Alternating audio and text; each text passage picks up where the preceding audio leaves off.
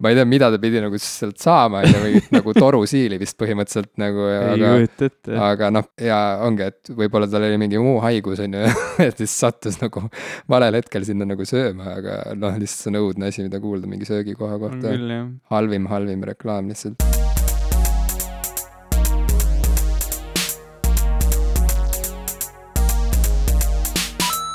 tere, minu nimi on Ivo Krustok. tere, mina olen Jim Asilevi. ja te kuulate saadet Popkulturistid. täna sai lõpuks jälle sihuke korralik algus, sihuke mm -hmm. nagu õige mehe algus. jah, aga me olemegi õiged mehed ja seda ei maksa varjata ja see pole mingi häbiasi. huvitav.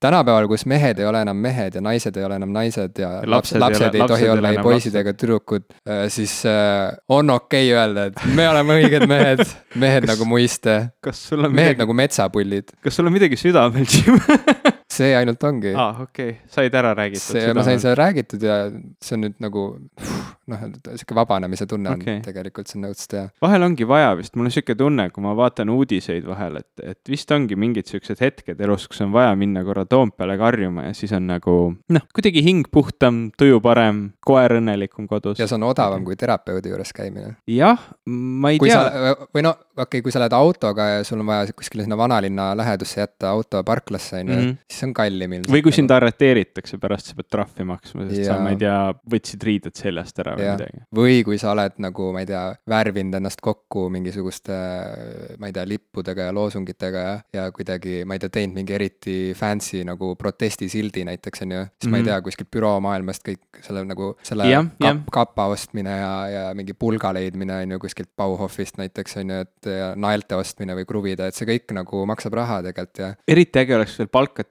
disaineri omale postrit nagu disainima, vot see oleks nagu, ma ütlen, see, see on küll asi, et et mul oleks tõesti, isegi kui ma nagu võib-olla selle loosungiga nagu nõus ei ole ja, ja ütleme, see kogu see sisu on minu jaoks võõras. kui keegi läheb ja nagu palkab disaineri, et omale nagu kogu see visuaalne keel sellele plakatile ilusasti ära kujundada, teha nagu selline, ütleme selle sõnumi kallal tööd teha natuke aega ja siis noh, niimoodi hästi ilusa kapa peal välja trükkida ja, ja lasta võib-olla see, see varvs veel kuidagi niimoodi ilusasti ära treida, no vot siis mul oleks nagu tõesti ma noh, see oleks minu arust väga äge. jah, protesti disainibüroo tegelikult mm, -hmm. me võiksime täitsa mõelda selle peale. võib-olla see saab olema meie see meie esimene miljon võib-olla tuleb sealt mm. -hmm. ja kes siis juba teab, kust see järgmine tuleb? no eelmine tuli Patreonist, järgmine tuleks, on ju, siis äh, sellest protestidisaini mm -hmm. ja sellest järgmine, ma arvan, et siis juba peakski juba kuidagi ambitsioonikamaks minema mm -hmm. nagu Richard Branson mm -hmm. või, mhm. või Elon Musk, et ikkagi hakkame, kosmosesse. jah, hakkame ikkagi investeerima nagu reaalselt tulevikutehnoloogiasse. jaa, ma arvan jah. mis on, mis noh, ütleme, teeme võib-olla popkulturistidest esimese planeetidevahelise podcast'i mm. -hmm, mm -hmm. või, või midagi. esimene interplanetaarne podcast see oleks väga-väga uhke saavutus. ja ma ei usu, et see nagu noh, kui meil need esimesed miljonid juba käes on, mis see siis tegelikult noh, see on sihuke kättevõtmise asi tegelikult, olgem ausad. see jah, see, nende miljonitega see ei maksaks sittagi meie jaoks, mulle hullult meeldib see see on alati nagu nii lai ütlus, nagu siis, kui keegi ütleb millegi kohta, et see ei maksa sittagi, vaata. et ma, lihtsalt mul pole elu sees olnud nagu nii palju raha, et millegi kohta nii öelda.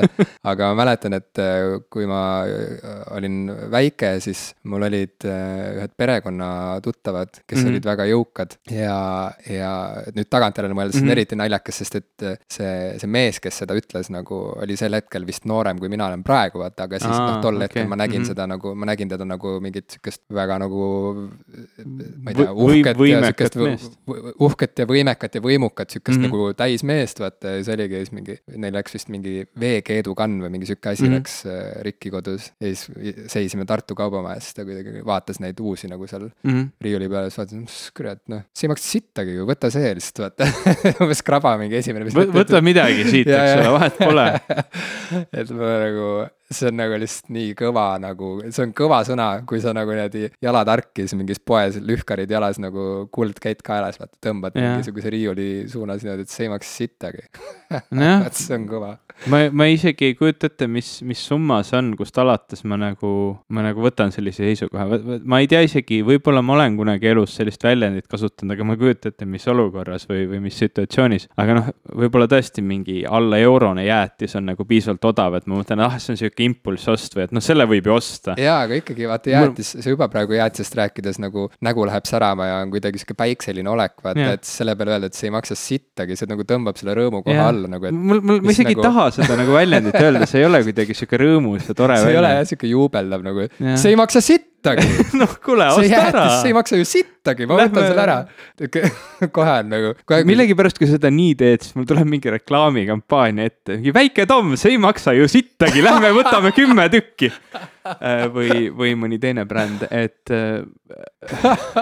vot see oleks hea, vot see oleks väga hea. see võib kokku minna meie protestiaktsiooni disainibürooga, et, et riik, see ei maksa mulle ju sittagi ja, ja noh noh, ütleme ikkagi tugevad ja, ja võimekad loosungid mm -hmm. peaksid olema meie, meie forte, aga me kirjutasime vahepeal midagi sisukamat ka või täpsemini mina kirjutasin ja sina unustasid kirjutada. me lubasime, me kirjutame luuletused vahepeal, aga, aga see oli üks ääretult keeruline ülesanne. jah, see oli sellepärast keeruline, et esiteks äh, meil kummalgi polnud meeles seda teha õigel ajal minul oli, mina mõtlesin terve aja nagu siin vahepeal. juba aegsasti kirjutasid valmis selle või? ja, ja ma olen seda, selle kallal mitu päeva tööd äh, vaeva näinud ja, ja ma tegelikult äh, käisin ringi ja vaatasin luulekogusid ja, ja, ja lugesin seina pealt luuletusi lootuses leida inspiratsiooni, et, et et neid rõõmsamaid luuletusi üldse nagu, et noh, vaata, me seadsime, et see peab olema kuidagi optimistlik või, või ja, ja ta peab ikkagi nagu noh, mitte lihtsalt, et ja.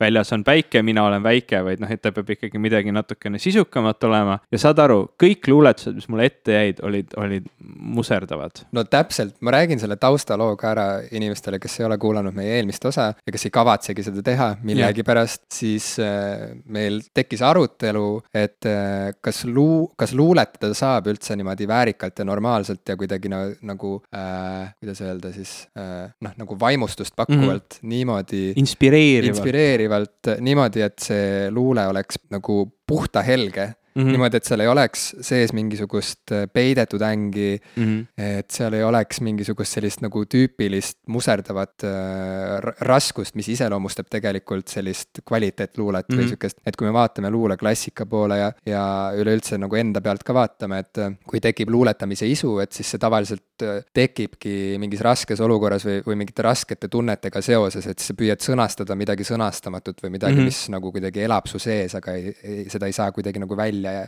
siis sa paned selle luulesse või siis laulusõnadesse, eks mm ole. ja laulusõnades on äh, ikkagi päris palju kergem olla lõpuks kerge mm. sest et see on nagu muusika iseloom, et muusika võimaldab kuidagi äh, teha ägedaks ka väga rõõmus äh, sõnum ja väga nagu koomiline sõnum näiteks. aga luulega on natuke nagu raskem või mitte natuke, vaid isegi palju raskem, vaid tekib sihuke tunne, et, et kui ma luuletan nagu helgetest asjadest, siis kas see on üldse mingi luule või kas sellel on mingit kaalu ja siis me otsustasime, et teeme sellise sellise harjutuse, et püüame tänaseks saateks kirjutada äh, sina kirjutad ühe teksti, mina kirjutan ühe teksti, mis on helge ja, või koomiline mm, -hmm. kuid mis oleks nii hea, nii kvaliteetne, et see jääb kultuurilukku. jah, ja arvestades, et äh, ma ei ole kunagi ühtegi väga head luuletust kirjutanud, siis sa võid ette kujutada, kui äh,, kui keeruline ülesanne see mul oli ja mistõttu ma kogu aeg muretsesin selle pärast ja, ja tõesti, ma, ma isegi, ma, ma tegin pilti, ma otsisin seinte pealt kui sa oled käinud kunagi sellises, ah muidugi sa oled käinud, me oleme seal koos käinud, sellises äh, Tallinna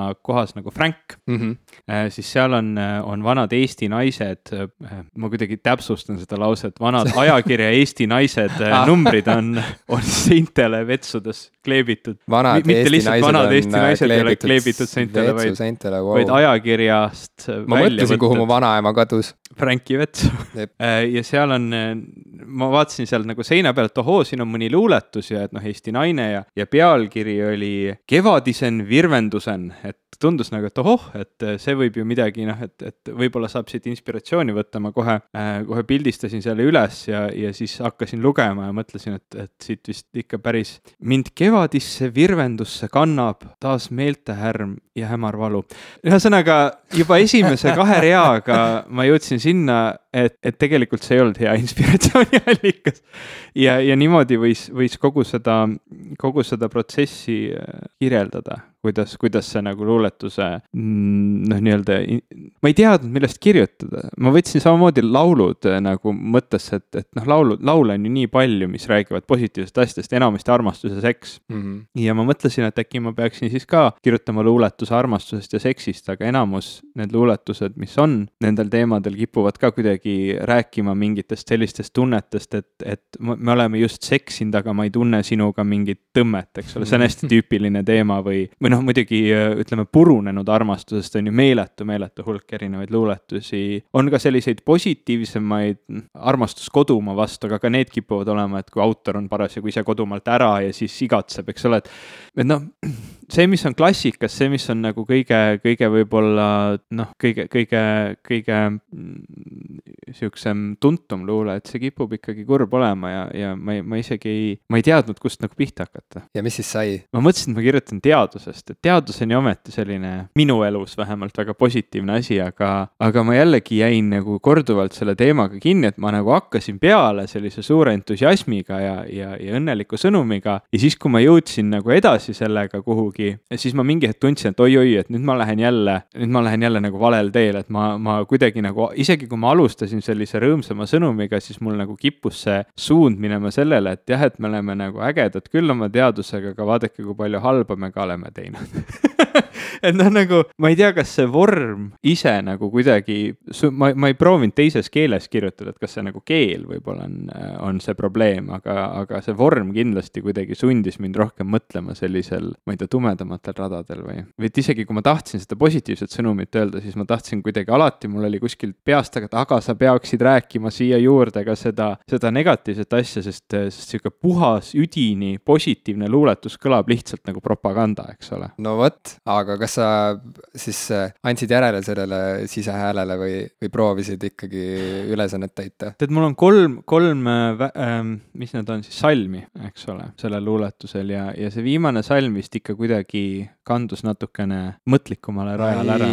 ai, ohumärk, ohumärk. jah, ja, ja. oleks see kuskil alguses kasvõi, aga et lõpetad ja, nagu mõtlikumal ja, noodil, siis ikkagi see on ju see, mis lõpuks jääb nagu meelde või, no okei okay.. ma, ma loen selle luuletuse ette, siis vaatame, siis, siis nagu, siis mõtleme ja analüüsime, kas ikka läks nagu väga, väga sohu või mitte ma proovin nüüd oma, oma luuletuse lugeja hääle ette võtta. Ähm, ma ei ole sellele luuletusele pealkirja pannud, sest ma, nagu ma aru sain, kõik, kõikidele luuletustele ei peagi pealkirja pane.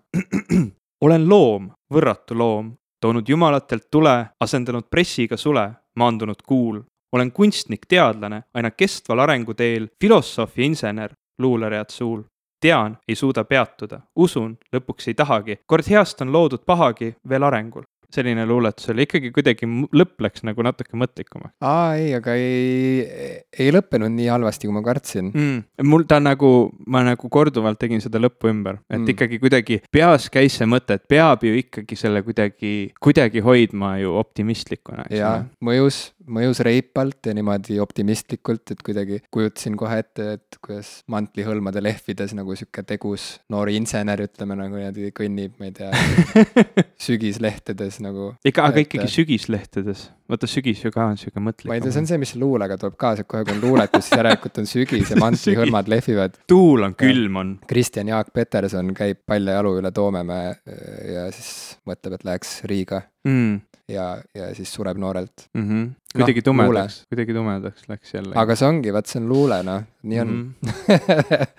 aga mm, võib rahule jääda, mina, mina jään rahule sinu Siga selle sooritusega. kõva kolm, eks ole. ei, oota, kas me nüüd paneme niimoodi hindeid või? ei no me võime panna hindeid, me ei pea meeldi. panema, koolis alati ainult, ei, ei antud ka, eks luuletustest anti koolis hindeid, ei antud, ma arvan. ma ei mäleta ka, et oleks mingit sihukest momenti olnud, aga, aga mulle nagu kirjandust ei meeldi tegelikult üldse hinnata mm -hmm. mingite tärnikeste või või mingite numbritega, sest et noh, mul on Goodreadsis ka näiteks konto mm -hmm. ja ma märgin sinna üles, mis ma olen lugenud ja ma ei ole ühelegi raamatule pannud mingeid tärne, mulle tundub see Aa, nii loll asi, mida okay. teha nagu ja siis puhtalt enda seisukohast nagu üldse ei mõista hukka inimesi, kes seda teevad. minema vaatama, kas ma sinu raamatut hindasin, et ruttu hinne igaks juhuks ära võtta aga äh, ei, no lihtsalt aru, mul on endal tekib nagu sihuke tunne, et äh, see on vaata see märk, mis sa jätad maha, on ju, Mhm. sellest raamatust. ja, ja kui sa ei viitsi sinna nagu mingit pikka nagu tagasisidet kirjutada mm, -hmm. siis äh, see on kuidagi nii nagu, seda on nagu nii vähe, see on nagu nii vähe öeldud, isegi mingi kehva raamatu kohta, et paned, ma ei tea, kaks tärni, mis see siis nagu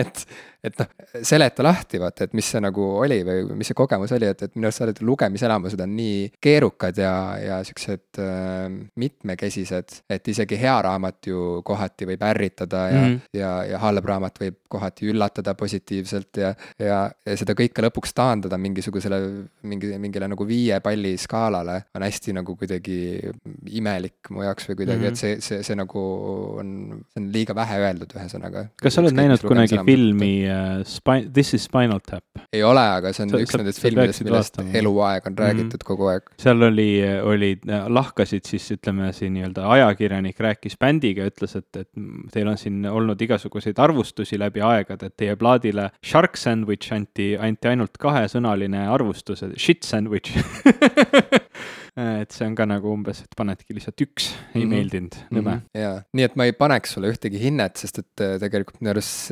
niimoodi ma ütlen palju rohkem, kui ma ütlen, et, äh, et sa said selle ülesandega hakkama, et see oli hea sooritus, et see luuletus mõjus niimoodi reipalt, tekitas minus kohe mingisuguse kujutluspildi, on ju. et see toimis ühesõnaga nagu. hea sooritus, sinna peaks alati järgnema, et noh, oleks ikka parem määre olnud ma ei tea no,, miks No ma kohe spordiga vaata seostad, aga, aga loe enda oma ka, vaatame, mis, mis sina kirjutasid, mind kohe huvitab. mina pean äh, alguses vabandama, sest et äh, mul tõesti oli nii palju tööd siin vahepeal ja nii palju ka nagu sihukest isiklikku kirjatööd, et ma lihtsalt ei jõudnud kirjutada seda luuletust tänaseks. Pole midagi, me andestame sulle, on ju Et- kuulajad et ma nüüd, ma nüüd siis luban järgmiseks korraks kirjutada mingi uue, uue. asja, mm. -hmm. aga äh, õnneks mul oli tagataskust praegu välja tõmmata, ehk siis oma võrratust Tumblerist äh, oli võimalik välja tõmmata nüüd kolme aasta tagused äh, tekstid. siin on kaks tükki, üks on hästi lühike, teine on hästi pikk. pikemat sorti.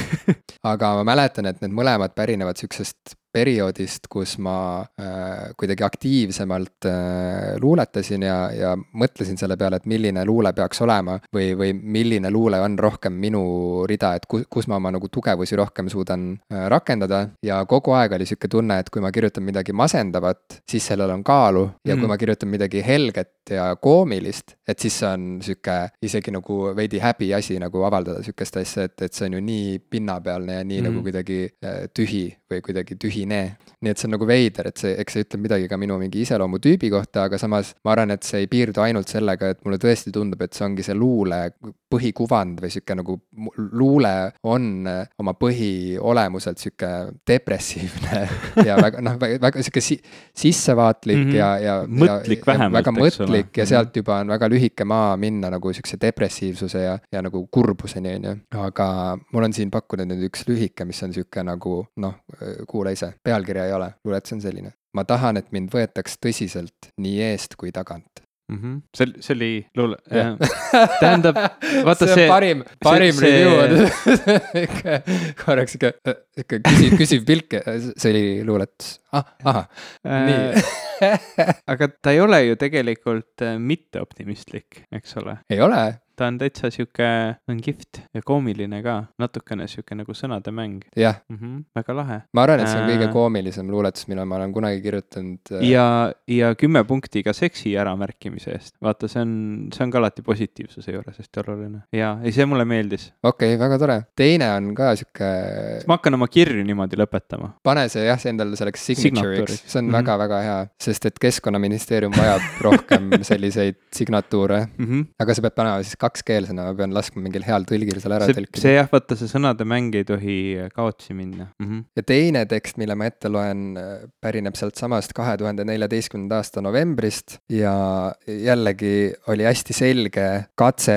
minu poolt kirjutada midagi sellist lõbusat, lustlikku ja ütleme, vallatut, vallatut jah. ja ma tundsin ennast väga ebamugavalt seda kirjutades ja ma arvan, et nüüd lugedes ka, aga mm. -hmm. kokkuvõttes ma olen rahul selle luuletusega. Mm -hmm. nii, siin on pealkiri ka, pealkiri on Sümfoonia üksikule kubemekarvale unustatud linal. Mm -hmm.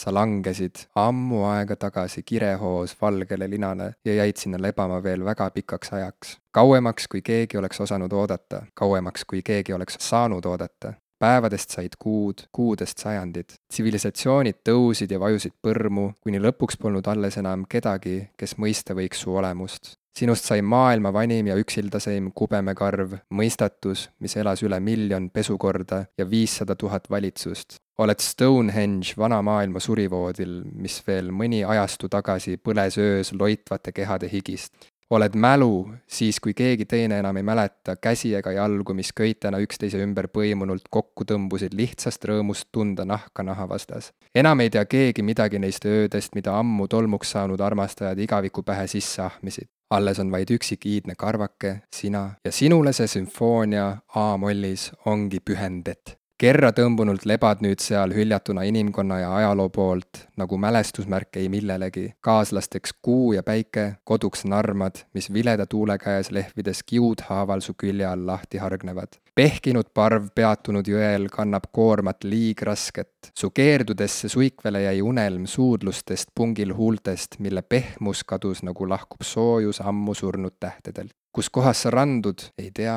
liig kaugele triivinud juba meist, kuid kunagi, kui elu pole enam elu ja maa pole enam planeet, vaid pelgalt kolmas kivi päikesest, jääb möödujate kõrvu helisema üksiknoot, nõnda kurb ja krussis, kammertoon, mis löödi helisema viimsel ööl mu kallima jalgade hargilt mulle väga meeldis see luuletus, aga Merci. ma ei ütleks, et see oli ääretult nagu positiivne ja sihuke optimistlik ja, ja, ja helge. aga tead, mis? aga ta oli lustlik, selles osas ma olen sinuga nõus, jaa et ma, ma lihtsalt tundub praegu seda lugedes, jällegi ma ütlen ausalt, mul oli nagu piinlik lugeda seda, on ju, et, et mulle tund-, endiselt nagu mingi häbi kaasneb sellega, kui ma loen mingit sihukest nagu lustlikku mm -hmm. asja ja veel enamgi, kui ma nagu noh, loen luuletust kubemekarvast nagu, et tegelikult see on sihuke asi, mida mida ma ei taha teha, vaata nagu kunagi no,. lugeda luuletust. lugeda luuletust kõvasti ette, mis räägib kubemekarvast või kuidagi isegi sõna kubemekarv nagu see on problemaatiline mu jaoks nagu mm, -hmm. et võib-olla, võib-olla, võib-olla see on nagu mingi sihuke sügavam teema, et sa kirjutasid selle luuletuse, et seda kõike endast välja saada. ma ei, ei,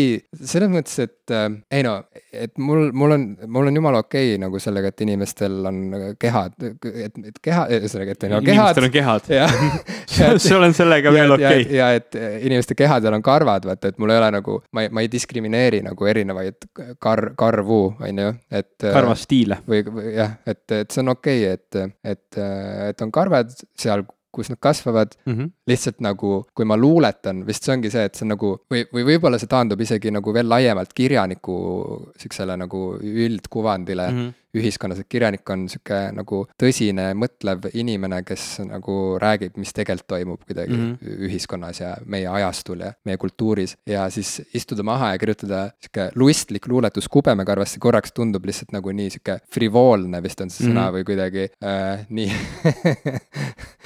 nii nagu loll kokkuvõttes jah, et aga, aga see, see oli aktiivne sihuke harjutus kuidagi ületada see valehäbi tegelikult, see on küll nagu tõsi, et, et et aeg-ajalt ma sunnin ennast kirjutama mingeid asju, mida mul on ebamugav kirjutada lihtsalt selleks, et raputada ennast võib-olla mingitest krampidest välja või kuidagi, et, et mitte võtta ennast liiga tõsiselt. sest see juhtub ülikergelt, see enda liiga tõsiselt võtmine. aga kui kunstniku töö on luua justkui tähendust maailma, äh, siis ju, ju ka positiivsed asjad, ju ka rõõmsad asjad, kõik see nagu väärib tähendust veel, veel seda enam, et tegelikult ju võib-olla meil ongi vaja rohkem tähendust sellele, mis on, mis on rõõmus, mis on positiivne, mis meid kuidagi sellest argielust äh, tõstab ülespoole, olgu see siis äh, selline veidi humoorikas äh, ja, ja ülepaisutatud mõte kubemekarvast mm, -hmm, mingist mm -hmm. sellisest, mis sõna sa kasutasid, frivoolsest asjast. ja, ja ma olen nõus sinuga, ma olen nõus sinuga, asi lihtsalt ongi lõpuks nagu siukses enese liiga tõsiselt võtmises mm -hmm. või mhm. siukses püüus olla hästi tõsiseltvõetav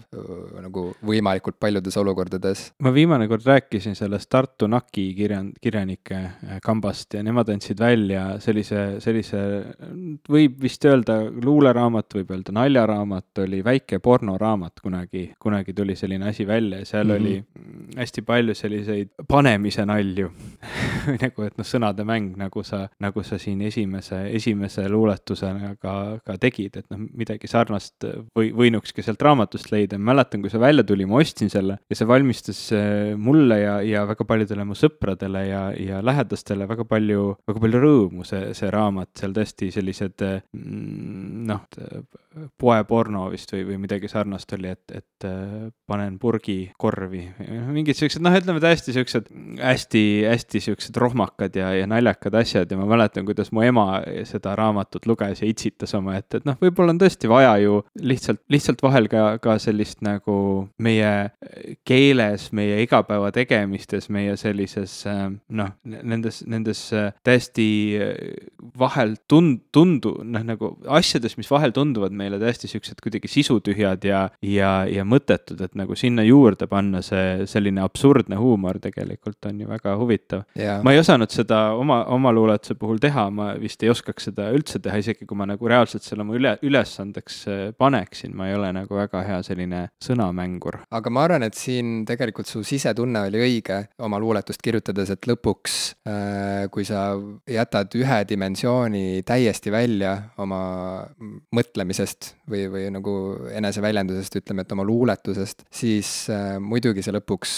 mõjub plakatlikult või kuidagi nagu propagandistlikult, sest et siis ta ei ole enam loomulik, et tegelikult mm -hmm. ju elu ongi kogu aeg väga-väga äh, mitmekesine ja segane. Ja kui sa seda, seda kuidagi kanaldad oma loomingusse, on ju, siis äh, muidugi sa võid kalduda ühte äärmusesse või teise, et sa võid, ongi, võid teha mingit nagu väga sünget asja või sa võid teha mingit väga helget ja lõbusat asja, aga neil mõlemal äärmusel on tegelikult oma mingi ühisosa ja see ühisosa ongi see, see komplekssus, see kuidagi see elu mitmekesisus ja mitmetähenduslikkus, et äh, sealt polegi vaja välja puhastada äh, nagu täielikult mingit ühte dimensiooni selleks, et saavutada nagu see oma efekt paremini või noh, ma räägin kuidagi segaselt, aga ühesõnaga, et selleks, et teha mingisugune väga hingeminev, äh, ma ei tea, sihuke nagu sünge metallplaat näiteks, selleks äh, ei pea sealt praakima välja nagu absoluutselt kõike, mis elu üldse elamisväärseks ja toredaks teeb mm. -hmm. see võib kõik seal sees olla, aga lihtsalt sul on nagu see kõik keeratud sinna nagu tumeduse poolele, eks ole. et sa väljendad ikkagi kogu elu oma rikkuses ja ka seda rõõmu, aga sa väljendad seda nagu sihukeses tumedas toonis ja samas, samamoodi on ju sihukese nagu helge ja positiivsega, et äh, me sinuga mõlemad ju väga fänname ja me oleme, me oleme palju ka rääkinud siin saates äh, Douglas Adamsi mm -hmm. raamatutest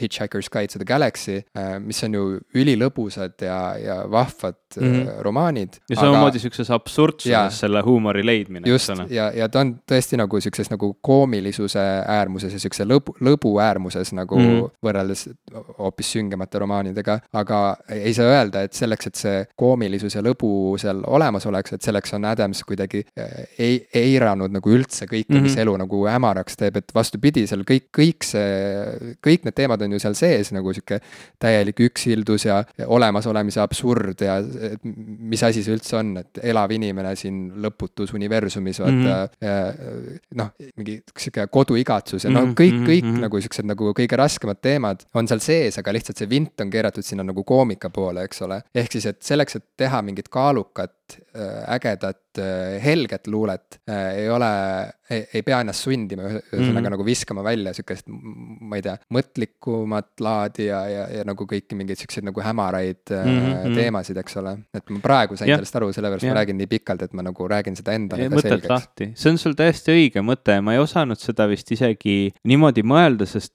sest just seda luuletust kirjutades ma nagu püüdsingi kuidagi, et ma pean seda ühte dimensiooni hoidma ja, ja kui ma mõtlen sellele reaalselt sellele nagu noh, optimistlikule, üdini optimistlikule tekstile, siis mul tulevad tihtilugu ette hümnid. hümnid, hümnide tekstid on ju sellised, noh eriti võib-olla sellised mm, nõukogude ajast jäänud tekstid, mul tule, tuli kohe, kui ma hakkasin seda mõttelõnga oma peas ketrama, mul tuli meie Keila kooli laul tuli meelde, mis mul on pähe kulunud, sest noh, loomulikult need hümnid ju, mida igal pool lauldakse, kuluvad pähe ja, ja see, see esimene salm juba, et noh, kui ta läheb nüüd su nooruses ära ja teadus vabaduse valgus meil näitas, et selles on tegude algus, me nooruse ind ja kõik loomise rõõmud, su tarkuse karikast valatud sõõmud, noh, see on nagu selline, see nõrgub sellisest nagu üdi, üdini optimismist ja sellisest nagu, et no vaadake, see on nagu see, see, see on ju põhimõtteliselt selline mitte Trooja hobune, mis sõna ma otsin siin, Potjomkini küla, noh, ühesõnaga kõik on nagu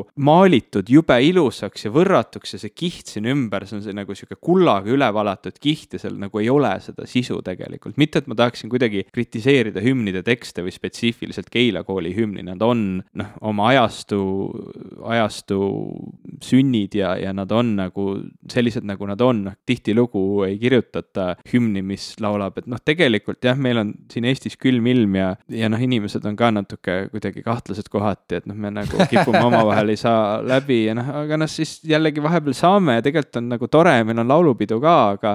aga jah, noh, ma ei tea, et noh, no vaata, keegi ei kirjuta niimoodi, eks ole, sa võid luuletuse nii kirjutada, aga, aga sa ju ei kirjuta hümni niimoodi, et, et mhm. mm.. et palju huvitavam on tõesti seda, mul tuleb meelde mm, tudengite hümn äh, Kaudaamus, mida muidugi lauldakse vaid kolme võib-olla kõige sellisemat sündsamat salmi, aga kui see nagu terve, terves pikkuses ette võtta, siis seal on nagu see, need lisadimensioonid juurde tulnud küll, küll läbi, läbi nagu noh, ütleme vastassugupoole väärkasutamise ja, ja muu pralletamisega, et et, et tekst on küll selline optimistlik ja, ja, ja tänapäeval lauldakse seda kõikide suuremate Euroopa ülikoolide saalides, aga noh, eks seal on ka oma selline tumedus juures, eks ole mm. -hmm. ja võib-olla sellepärast ta tudengitele nii väga meeldibki. okei okay,, ma siis püüan järgmiseks korraks äh, olla sõnapidaja ja, ja toon lagedale ühe värske teksti mm. -hmm. aga mulle tundub, et me praegu saime millestki aru. võib-olla tõesti, võib-olla ma saan ka nüüd nagu kuidagi teistmoodi proovida läheneda sellele aga räägime edasi tumedusest, sest noh, kaua me siin ikka seda rõõmsat optimistlikku šaraadi jätkame. ärme tee nägusid, on ju yeah.. ärme, ärme tee halva mängu juures head nägu jah, ma arvan ka. huvitav, kas keegi vahel hea mängu juures halba nagu ka teeb või? mina olen tihtilugu torssis, ma olen mm. selline inimene, sihuke pahur natukene, et kõik võib hästi olla, aga ma olen ikka pahur. võib-olla see on pokkeris ka nii, et tahad manipuleerida teisi ja siis teed hea mängu juures halba nägu. ma ei ole väga pokkerit mänginud, noh, ma olen vahel pokkerit mänginud, aga mitte kunagi niimoodi, et seal oleks tõesti nagu mingid, mingid panused mängus ja et ma peaksin nagu väga tõsiselt läbi mõtlema, kuidas ma seda nüüd strateegiat siin teen, et, et, et teistele selle nagu ära teha? viimati, kui ma mängisin pokkerit, siis äh, ma olin teatrikooli läinud ja meil oli sihuke rebaste nädal, kus mm meid äh,. retsiti. retsiti jah, ja see oli hästi tore, kuidas meid retsiti ja meid viidi ühte korterisse, kus toimus sihuke nagu härrasmeeste pokkerimäng. meie siis olime need härrasmehed mm, -hmm. pidime olema nagu viisakalt riides ja ma mängin, mängin ja mängin ja joon seal viskit ja üks hetk vaatan kõrvale põrandale ja mu kõrval maas oli tarantel saad sa aru või? okei okay,, nii. ongi sihuke lugu. aa, ma lihtsalt mõtlen, et kuidas ähm,, kas see Tarantel oli seotud teie retsimisega? ei olnud, see oli lihtsalt selle lihtsalt korteri omaniku Tarantel okay.. aga ma arvan, et põnevam on see, kui ma jätan selle loo lihtsalt siin okay, vette nagu. niimoodi see on nagu parem lugu. ma arvan, et me oleme selle tumeda teemaga nagu selles suhtes hästi praegu alustanud, meil on kohe nagu Tarantel. hasartmängud, eks ole tarantlid, hirmutamine, rebaste retsimine, kõik, kõik need nagu sellised, ähm, sellised teemad on, on kokku pandud ja, ja sa tahtsid veel rääkida,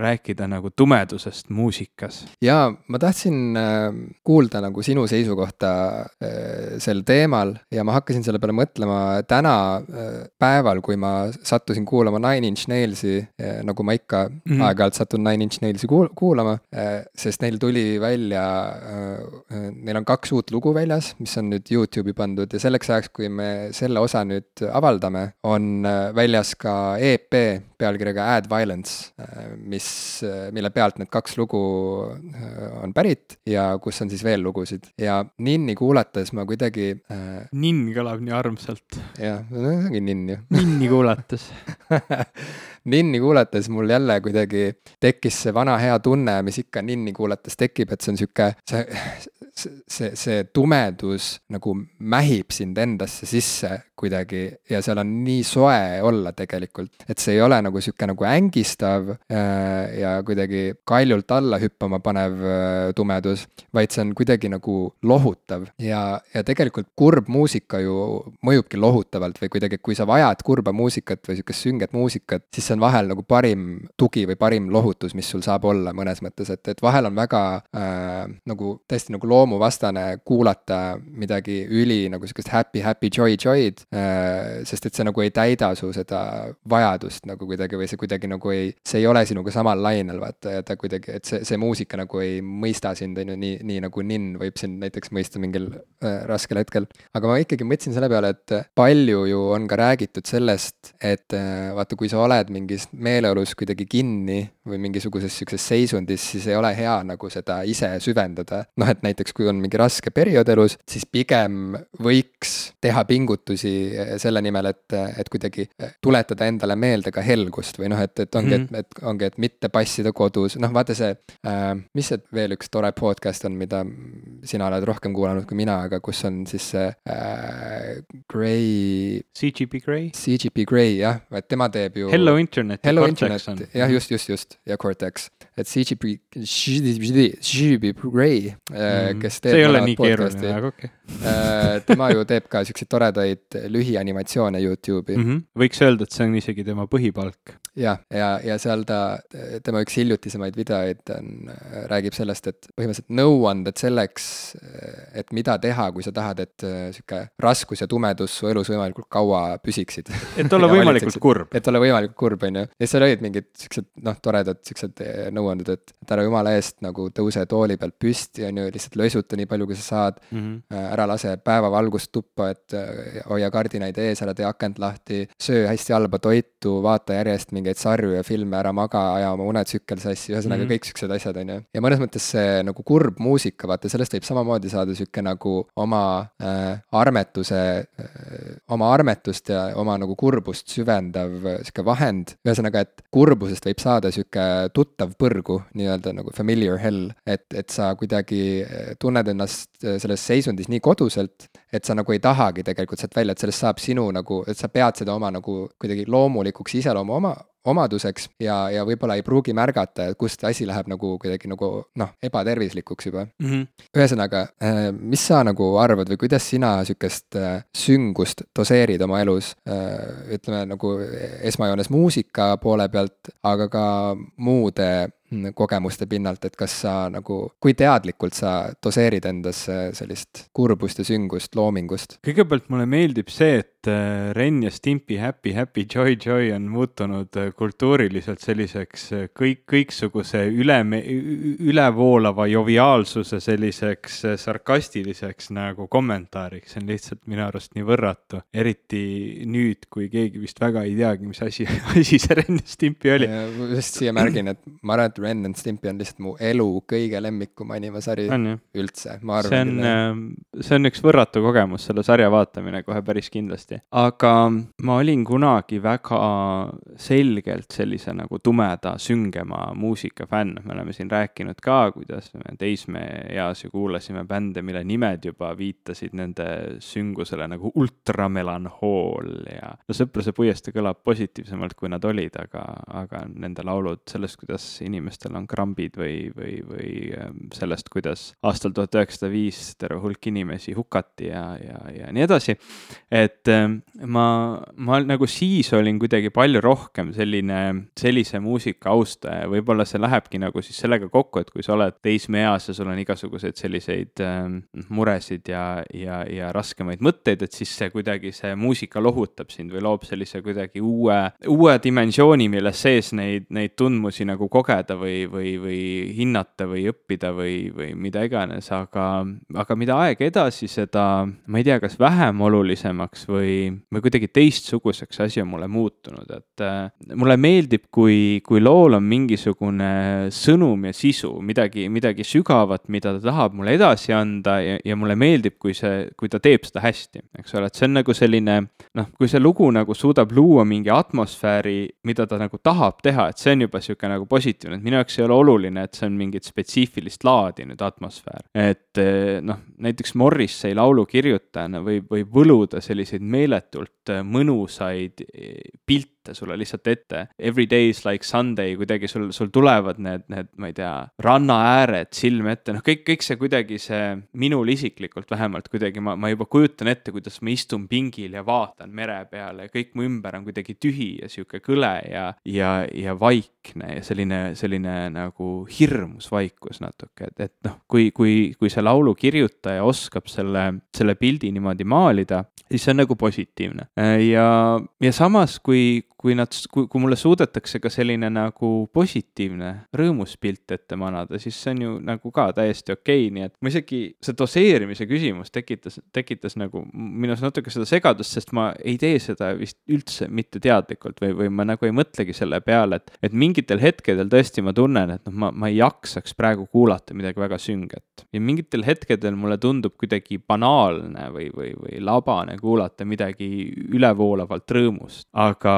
aga kui, kui see on hästi tehtud tekst või hästi tehtud laul äh,, siis, siis minu jaoks ei olegi nii oluline see, kas ta on rõõmus või kurb, vaid et, et ta tõesti suudab mulle öelda seda, mida ta tahab öelda või, või suudab mu meelt lahutada või suudab olla sihuke mõnus taustakas või, või ta ei tahagi võib-olla mitte midagi üldse öelda, vaid ta lihtsalt on ja, ja ta on ka selles hea, et, et noh, ma kuulan meeletult hea rõõmuga ACDC-t, millel ei ole vist ühtegi sellist laulu, mis väga sügavalt millestki räägiks või noh, põhimõtteliselt nagu peale seksi, eks ole, et noh, et nad, nad nagu kõik lood põhimõtteliselt ühel või teisel viisil räägivad seksist.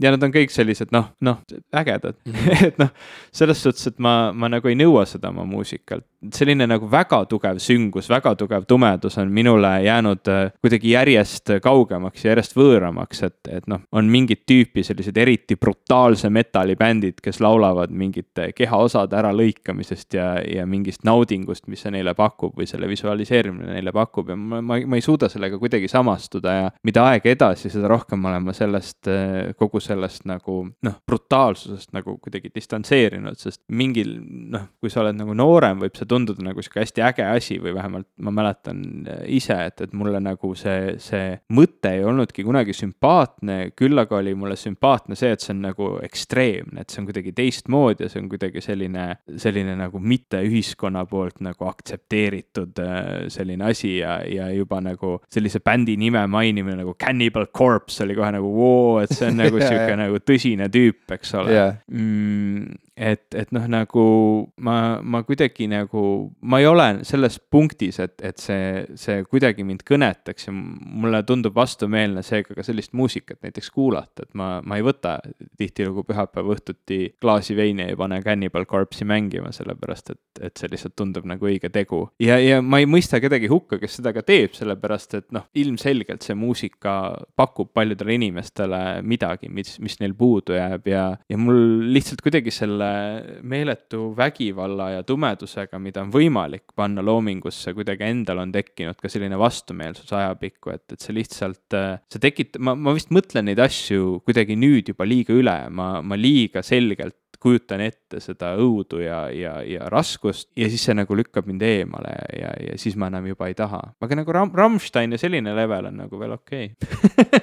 ja Rammstein veel. on ju väga mänguline ja sihuke teatraalne ja. ja jabur tegelikult, et seal on mingid hoopis teised. Äh, noh, seal on väga palju juures sellist, mis, äh, mul on sihuke tunne, et mul kurgust hakkas tulema mingi sihuke kõrgem sagedus mm. mu, mu tavalise hääle, äh, tavalisele häälele lisaks, väga veider, sihuke tulnuka hääl tuli sul on väga nagu tugev selline vocal fry, kui sa räägid, võib-olla see nagu kuidagi tegi sulle haiget, ma ei tea. mis asi on vocal fry? see on äh,, see, seda, see on ähm, selline kõi- äh,, kuidas ma seda selgitan, see on, see on inimhääle kõige madalam tonaalsus või, või mitte register, aga kui sa räägid niimoodi ja sa põristad oma häälepaelasid mm., et seda samastatakse tänapäeval väga sellise valley, modernse valley girl'i äh, sellise kõnemaneeriga. kes on valley girl? ma ei tea mitte midagi midagi, mida sa räägid. see on äh,, Valley Girl on Ameerika aktsent, mida siis selliseks California või noh, ütleme see mitte Silicon Valley vaid see see äh,, mis Valley see seal Beverly Hillsi kandis on või, või Hollywoodis või. igatahes see on, see on siis selline California naist äh, ki, ütleme äh, negatiivselt kirjeldav äh, kõnemaneer, et, et justkui nad kõik räägiksid niimoodi, et iga lause lõpus sa lähed üles oma häälega mm., nagu iga asi oleks küsimus, aga tegelikult ei ole, et siis tänapäeval nüüd on ka veel see juures, et sa nagu räägid niimoodi kõike ja see vocal fry on nagu hästi oluline tänapäeval teha. Okay.. et äh, see on nagu noh, ütleme, see on natukene no.. veidi, mul on natuke Valley Girl'i siis. jaa, su hääles. Äh, ja see on väga hea, ma ei arva, et sellest midagi halba oleks ja ma arvan, et selline nagu äh, hukkamõist üldse on nagu natuke paha ja selline mõnitamine, aga ütleme, ma viimased, kuna ma kuulasin just mõne päeva eest sellist podcast'i nagu Twenty Thousand Hertz, mis on sarnane ninety nine percent Invisible'ile, aga kui see räägib disainist, siis Twenty Thousand Hertz räägib äh, helidest, helide maailmast ja seal räägiti dialektidest ja aktsentidest. ja siis seal räägiti,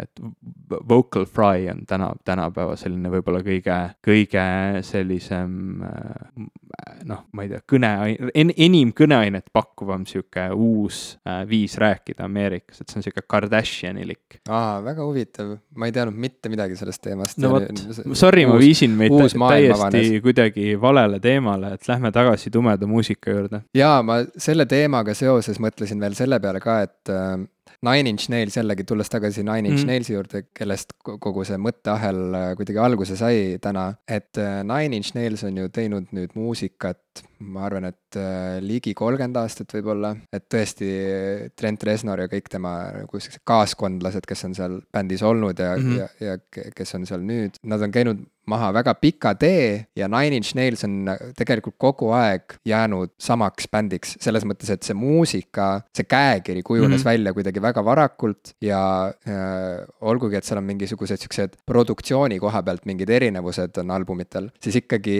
äh, see käekiri on kogu aeg hästi äratuntavalt äh, sama, et isegi lugude ülesehitus ja, ja see, mismoodi jah, ühesõnaga, et, et see, et see loogika mille alusel äh, Resnor selle, selle oma tüüpilise loo masinavärgi nagu käima paneb, kuidas mingid erinevad nagu helid lisanduvad ja kuidas need rütmid nagu kuidagi tulevad ja kui kiired nad on ja kuidagi mm -hmm. kõik see, see dramaturgia seal äh, nendes lugudes on tegelikult väga-väga sarnane kogu aeg. millegipärast see ei tüüta, sest et äh, see kõla on alati kuidagi nagu, seal on midagi väga huvitavat kogu aeg ka nagu juures mm -hmm., okei okay,, mitte kogu aeg, aga lihtsalt väga sageli. nii et kokkuvõttes on nagu üllatav, et põhimõtteliselt on võimalik teha nagu sama muusikat aastat, kolmkümmend aastat järjest ja see on ikkagi nagu kogu aeg natuke ka uus või kuidagi nagu natuke teistmoodi. ma räägin, ACDC on veel kauem aga et. Kas ta nüüd uus on, muidugi on omaette küsimus. et äh, lihtsalt äh, ma hakkasin selle peale ka mõtlema, et vaata, kui, kui nüüd hüpates tagasi hoopis meie eelmisesse teema, teemaplokki, mis oli siis nagu positiivsus ja helgus ja mhm. huumor luules, on ju. et, et vaata, kui seal nagu on ju, tekib mingi ebakindlus, et kas see on ikka nüüd, kas sellel on kaalu, kui ma siia nüüd nagu siin lihtsalt lõbutsen et siis ma olen mõelnud, et bändid nagu Nine Inch Nails, et kas, kas nad ei tunne, et nad nagu kogu aeg künnavad nagu sama vagu, vaata, või et, et ma mõtlengi, et kui sa oled. et see on nagu tõsidus tõsiduse ja, pärast. jah, et mm, -hmm. sest et see on ju see, mille poolest uh, Nine Inch Nails on tuntud ja, ja Trent Reznor siis eesotsas. et, et juba kui vaadata mingeid varaseid videoid, noh, kasvõi sellest, kuidas uh, üheksakümnendate keskel kuskil seal Trent Reznor teeb mingisuguse siukse nagu siukse laivi, mingi MTV sihuke nagu live video põhimõtteliselt, kus ta on mingis siukses hämaras Äh, ruumis väga sihuke kammerlik õhkkond on mm -hmm. ja seal on lihtsalt üks must tiibklaver vist oli tiibklaver. klaas tumepunast veini. ongi põhimõtteliselt mm, -hmm. isegi kui see seal ei olnud, siis ma arvan, et kuskil kaadri taga oli klaas tumepunast veini ja siis selle klaveri peal ja aknalaudadel põlevad küünlad mm. -hmm. ja siis tal on need pikad juuksed, vaata. see kõlab nii MTV üheksakümnendatel, see lihtsalt nagu imbub MTV üheksakümnendatel. pikad mustad juuksed ja siis ta mängib lihtsalt klaveril oma neid äh, kurbi lugusid ja laulab, eks ole, ja on sihuke super tõsine selle kõige juures või kuidagi hästi sihuke nagu noh, sihuke vampiir põhimõtteliselt mhm. on mm -hmm. ju, et äh, noh, mega kütkestav sihuke mm -hmm. staar, vaata ikkagi nagu sihuke dark prince nagu täielik, on ju. ja, ja siis, ja siis samas nagu olgugi, et Resnori väli, välimus on väga palju muutunud, ta on nagu nii palju kuidagi turskem, on ju mm, -hmm. olnud vi-, viimase noh, null-nullindatel ja kümnendatel juba ja, ja, ja, ja lühikeste juustega ja kõik see on nagu, see väline on nagu muutunud, aga see muusika iseloom ja see kuidagi, see Resnori olek on põhimõtteliselt nagu sama kogu aeg, et äh, ma lihtsalt, mind lihtsalt paneb imestama, et vaata alati kõik võimalik, ühesõnaga, et igalühel on mingi oma nišš, vaata igal mm, -hmm. igal kunstnikul on mingi oma nišš, oma mingi käekiri. et huvitav, kuidas on võimalik nii-öelda nagu sedasama asja nagu jätkuvalt teha, nii et sa suudad seda endale kogu aeg põhjendada, vaata, et olgugi, et see on seesama asi, minu jaoks on nüüd uus ja uue nurga alt ja ma ikkagi teen seda edasi, vaata, et, et miks Trent Reznor pole kunagi tundnud, et nüüd aitab, vaata, et ma olen juba nagu. ma tegin tegema. ära selle muusika, jah, et a la, et lähen kantrit tegema, et tegelikult mulle on palju arusaadavamad need artistid, kes, kes täielikult muudavad oma suunda mingitel hetkedel, vaata David Bowie näiteks on mm, -hmm. ongi ju sihuke ideaalnäide sellest. et, et väga raske on nagu soovitada kellelegi mingit konkreetset David Bowie albumit mm, -hmm. sest mhm. et mõnes mõttes leidub igale ühele tema Bowie, vaata mm. -hmm. ja, ja noh, ma ütlen seda lihtsalt tegelikult praegu lihtsalt nagu sihukese üldkultuur, kultuurihariduse pinnalt, sest et ma ise ka olen nagu väga väheseid Bowie plaate päriselt nagu läbi töötanud enda jaoks või kuidagi tut- mm, -hmm. tuttavaks endale teinud, on ju. aga, aga noh, see on lihtsalt see, mis ma nagu kuidagi tean või olen mhm. kaasa korjanud, see teadmine. aga et äh, ma ei tea, milliseid näiteid isegi veel tuua, lihtsalt äh, paljud kirjanikud ka, vaata öeldakse, et, et iga kirjanik kirjutab terve elu ühte sama raamatut, on ju. ja, ja need kirjanikud, keda ma olen nagu lähemalt jälginud ja kelle puhul ma tõesti nagu loen kõike, mida nad kirjutavad. Nende puhul ma tõesti olengi märganud, et noh, nii see ongi, et, et päriselt ka need teemad kogu aeg korduvad, see lugude ülesehitus jällegi nagu Ninni lugudel on see lugude ülesehitus nagu kogu aeg sama või suurem osa ajast sama, siis on niimoodi ka kirjanduses, ma olen märganud, et, et see pealispind muutub, karakter, karakterite nimed muutuvad, võib-olla need ajastud muutuvad seal nendes lugudes ja need olukorrad, aga lõppkokkuvõttes see, see lugu, mida räägitakse, on kogu aeg sama et see on lihtsalt veider, et, et nii on võimalik teha ja ma ise tegelikult ka ei tahaks kunagi jääda kinni mingisse mm. nagu samasse vakku, mis ongi ilmselt põhjus, miks ma nagu üritan aeg-ajalt kirjutada luuletusi kubemekarvedest ja, ja uh, ja teen podcast'i järsku mingil hetkel oma elus mm, -hmm. kuigi kunagi varem pole teinud ja, ja ühesõnaga, et kõik siuksed nagu suunamuutused on nagu. ei taha samale põllule kündma jääda. jaa, aga lihtsalt, et äh, ma ei teagi, kuidas seda teemat nagu sulle nagu pallina visata praegu, et lihtsalt, et mis, mis, mis sa nagu arvad mul on, mul on mõtteid küll tekkinud, see. kas see ei ole imelik ja imekspandav, et mingi no, väga paljud, ega suurem osa bände ju tegelikult nagu künnab terve karjääri vältel nagu ühte sama vagu lõpuks see taandub ju sellele, et mille pärast sa seda muusikat teed või, või, või kellele ja kuidas ja, ja mi, mida, mida see sinu elus täidab, sest kui Trent Reznori jaoks, ma ei tea, kas see tema jaoks on nii või mitte, tema jaoks on see viis väljendada oma frustratsiooni, oma kurbust, oma, oma tumedamaid tundeid, siis on täiesti arusaadav, et ta on ju, niimoodi ta seda teebki, tal, ta väljendab oma, oma, ma ei tea, positiivseid rõõmsamaid tundeid mingil teisel viisil või, või, või, või tema jaoks nagu see oma selle nii-öelda sound'i arendamine, parandamine, nii-öelda timmimine, see ongi nagu see, mida ta tahab teha, ta ei taha teha kantrimuusikat, ta ei taha teha, no ta on teinud sihukest ka diskolikumat värki, tal on neid projekte rohkem olnud kui Nine Inch Nails ja, ja ta on igast huvitavaid asju teinud, aga, aga kõik muidugi jah, on väga iseloomulikult Resnorlik, eks ole, ja mm, selles noh, ta, ta on leidnud midagi sellist, midagi, mil, mille poole enam, enamus, eks ole, kunstnikke või loomeinimesi nagu terve oma elu püüdleb, tema leidis väga noorena üles selle oma sound'i, oma asja, oma iseloomuliku signatuuri ja, ja kui sa selleni jõuad, siis on ju ainult loomulik, et sa sellega jätkad. mõne jaoks see, see iseloomulik asi ongi see kameeleon olemine, nagu David Bowie ja Prince ja, ja neid artiste on, on ju veel, eks ole, kes, kes lihtsalt suudavadki, nad nagu taasleiutavad ennast iga loominguga, et täna ma tunnen, et ma tahan väljendada neid tundeid või neid mõtteid ja, ja ma tahan teha seda sellisel viisil või minu jaoks on huvitav proovida seda teha niimoodi. ja, ja, ja noh, David Bowie puhul veel eriti visuaalselt on selge, kuidas ta ennast ümber kehastab erinevateks tegelasteks, et noh, Reznor on Reznor ja, ja kas see on temale loodud kuvand sellisest väga vampiirilikust tumedates riietes me mehest kuskil tumedas toas musta tiibklaveriga või, või ongi see nagu see karakter, mida ta mängib, noh, nii lihtsalt ongi. enne saate algust me rääkisime sellest, kui oluline on, eks ole, bränding, kui, kui oluline on see, et sa paned endal need piirid paika, defineerid ära, et noh, muusikas on ju samamoodi, ühest küljest võid sa saada edukaks, kui sa nagu kõike teed, aga, aga oskad ka, ütleme, igat seda asja väga hästi nii-öelda ära müüa, väga hästi endaga seostada, nagu David Bowie seda suutis teha. tema, teda tuntakse läbi mitme põlvkonna täiesti erineva inimesena, täiesti erineva karakterina, täiesti erineva iseloomuga ja, ja igaüks neist oli geniaalne, eks ole, ja oma ajastule täiesti vastav ja, ja täpselt see, mida vaja oli.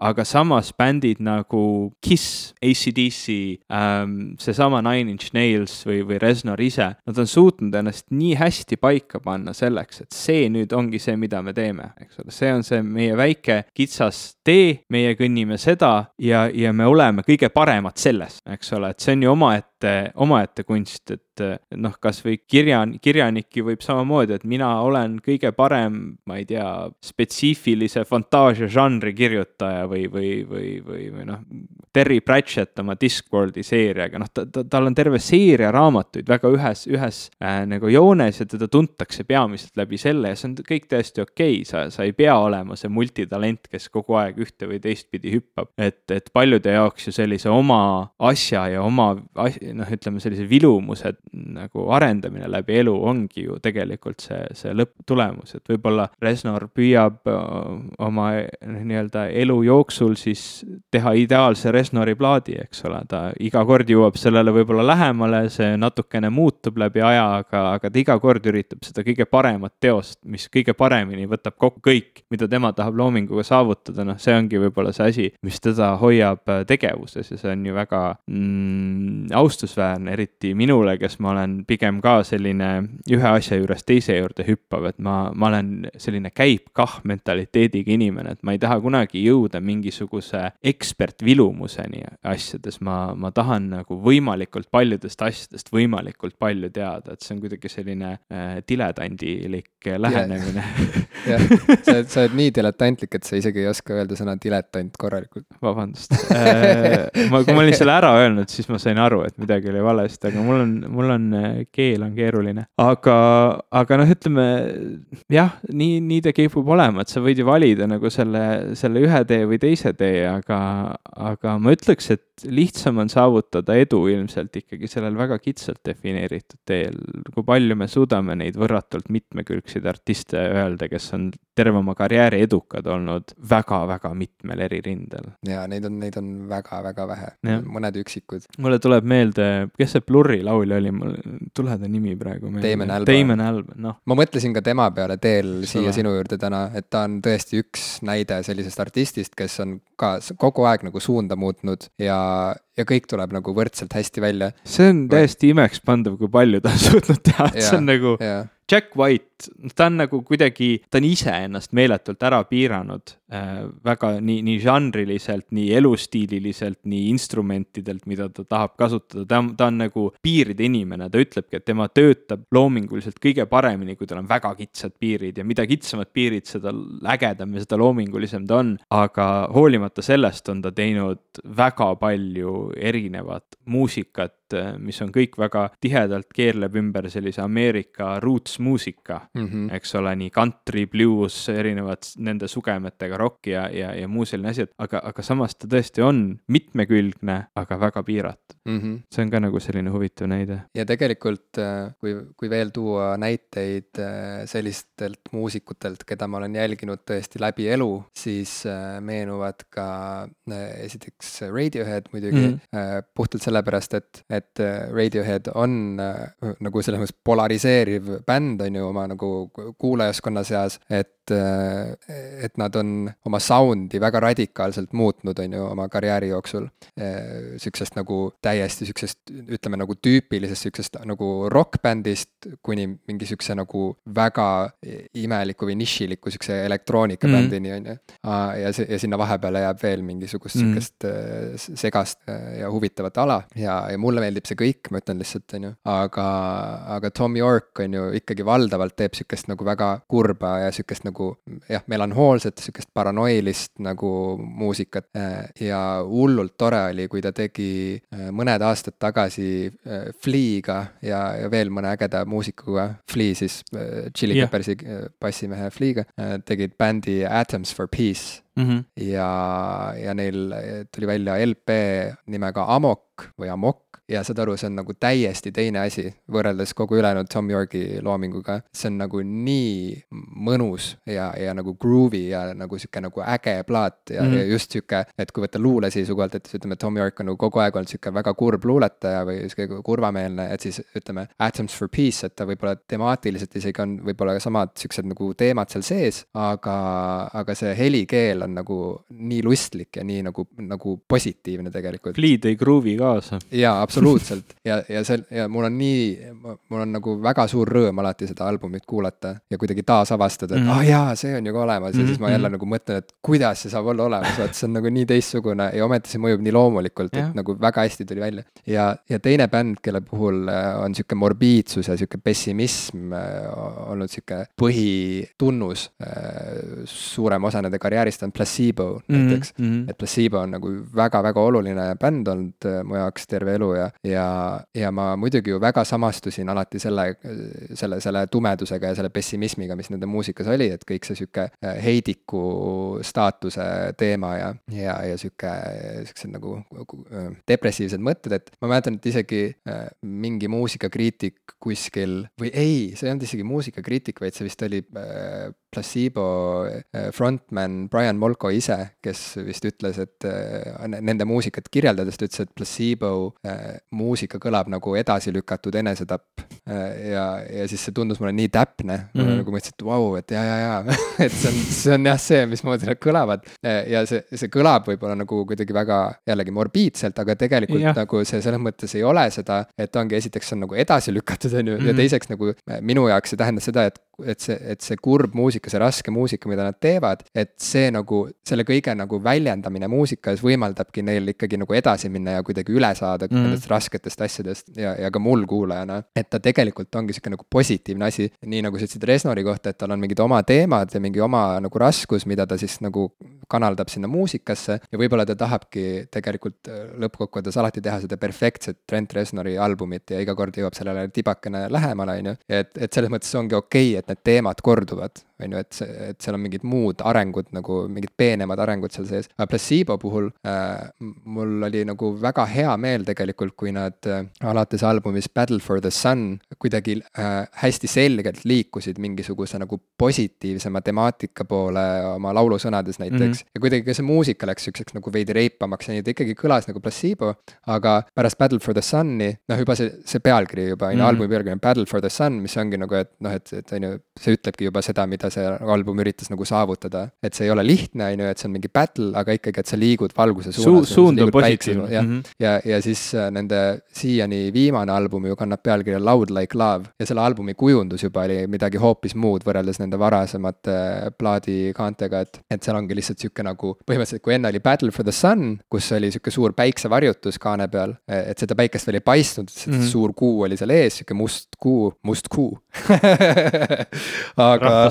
Rahvaspordipäev. aga et siis selle Loud Like Love albumi peal äh, paistabki lihtsalt sihuke värviline nagu täheplahvatus põhimõtteliselt mm, -hmm. et mhm. see valgus kõik nagu pritsib niimoodi värviliselt niimoodi selliste inimfiguuride äh, foonil nagu niimoodi vaataja poole. et, et siis justkui nagu nad jõudsid sellele valgusele nagu päris lähedale või kuidagi, kogu see album ongi nagu jällegi oma temaatikalt nagu väga sihuke nagu positiivsuse poole pürgiv ja see ei mõju üldse nagu kunstlikult või kuidagi oma mingi žanri reetmisena või oma sihukese nagu tugevuse kuidagi mahasalgamisena järsku, vaid see ongi kuidagi hästi loomulik areng nagu. et see ongi sihuke, et noh, muidugi nagu lõpuks ometi mul on hea meel, poisid, et teil nagu on veits paremini hakanud minema elus või, või et te kuidagi, ma ei tea. lõpuks ometi. no ongi, et, et, et need ravimid töötavad, et, et, et nagu teraapia töötab, et te olete nagu, ma ei tea, leidnud armastuse vahepeal elus ja noh, et, et, et see kõik on nagu, et see on tegelikult nagu samamoodi nagu kosutav, nagu oli see nende mm -hmm. nagu varasem kraam, et, et see on nagu, on kosutav näha ka mingit nagu positiivset arengut. ja võib-olla selles mõttes ma nagu imestan, et, et kõik seda oma loomingus ei leia või, või et nad mm. isegi nagu ei tee mingeid nagu väga nähtavaid samme selleks, et leida mingit positiivsust. et ma natuke olen üllatunud, et Trent Reznor, Reznor, siiani nagu jaksab vaata nagu äh, noh, töötada nagu samas teemade registris vaata ja mm muidugi mingid teemad ju ei lahku, ei noh, ei muutugi selles mõttes, et need mingid teemad jäävad nagu terveks eluks, on ju. aga noh, kasvõi vaadates äh, selle äh, nüüd podcast'i ilmumise ajaks juba ilmunud EP sihukest lisanotti kadi, mida nad müüvad äh, Nine Inch Nailsi veebipoes, et seal ongi noh, mingisugune müts, kus on sihuke lihtsalt sihuke harilik nagu mütsikene äh,, kus on ees väike kiri anxiety ja siis äh, neil on näiteks ja EP pealkiri on add violence on ju siis seal no ühesõnaga, seal on veel mingeid siukseid märksõnu nagu, mis on mis nagu viitavad kogu aeg nendele täpselt samadele nagu teemadele, mis on nagu alg-, aegade algusest peale olnud nagu Nine Inch Nailsi loomingu keskmes või kuidagi, mis on alati nagu kuskil albumi kujunduses või nagu laulusõnades alati nagu olemas kesksel kohal. ja see on nagu huvitav, et see kuidagi nagu ei ammendu, saad aru, kasvõi mingisuguse siukse nagu noh, et, et need sõnad ise ka ei ammendu, vaata. noh, küünik minus ütleb, et see ongi see bränding, eks ole, et, et noh, nagu see on see, mida me peame tegema, kui me oleme Nine Inch Nails. või siis noh, tõesti ütleme, pigem ma usuksin seda, et Trent Reznor lihtsalt, see ongi see väljund, kuhu ta selle suunab, need mõtted ja need tunded ta suunab sellesse muusikasse, sellepärast et see on see, kuidas ta seda eluaeg on teinud. just, ongi noh, teisest küljest ma olengi täpselt sinuga samal meelel. sa ei pea alati enda emotsioone ju, eks ole, lahkama, sa, sa võid ka seda ümbr-, end, end ümbritsevat maailma ju kuidagi sinna sisse viia. Roger Waters on ju see, noh, kes on läbi oma muusika, läbi Pink Floydi, läbi oma plaatide alati olnud see, kes noh, nii enda emotsioone nii-öelda töötab läbi selle muusika, kui ka siis kõike seda, mis seal maailma, maailmas ta ümber toimub. ja tema viimane plaat äh, nüüd ma pean kiirelt, mul ei tule jälle meelde, ma kuulasin mingi, mingi nädal või, mingi aeg, kogu aeg seda plaati päris palju, sellepärast et äh, ma ilmselt üritasin taasavastada seda rõõmu ja õnne, mis mul oli siis, kui ma kunagi nagu, kui Pink Floyd minu jaoks oli nagu värske asi. noh, natuke absurdne öelda, eks ole, Pink Floyd eksisteeris enne mind, nii et need, need plaadid, mida ma tol hetkel nooremana kuulasin, olid ju alati olemas olnud ja, ja ta ei saanudki nii, nii värske olla, aga noh, kui ma mingi hetk Pink Floydi avastasin oma elus ja, ja see pidi väga varajases varajases vanuses olema, sest mu isa on suur Pink Floydi fänn. et siis noh, nagu kõik see oli, kõik see oli nii õige, kõik see oli nii äge ja, ja mulle nii meeldis ja, ja see tema viimane album, Is this the life we really want, oli väga, väga Pink Floydi meenutav nii oma, oma ülesehituselt, oma soundilt, oma lugudelt ja, ja sõnadelt. Ja, ja, ja keegi, keegi arvustaja kirjutas kuskil niimoodi, et äh, Rocki kõige vihasem mees Roger Waters äh, ei ole leebunud isegi pärast Donald Trumpi või, või, või eriti pärast Donald Trumpi, eks ole, saamist presidendiks ja, ja nüüd elab kõike seda viha välja, seda oli, seda oli jälle näha, et kuidas Waters, eks ole, jälle kõik see sõjateema, kõik täpselt samamoodi ja ka sihuke meeletult küüniline plaat, meeletult sihuke negatiivne kalkplaat sellest, kuidas meie maailm meie ümber noh, ongi selline, nagu ta on. Ja noh, siin ei ole mingit ülepingutamist, maailmas ongi ääretult palju negatiivseid asju, ongi inimesi, kes tegelikult oma, noh, elavad kas, kas tänu keskkonnale ääretult kurvalt või ela,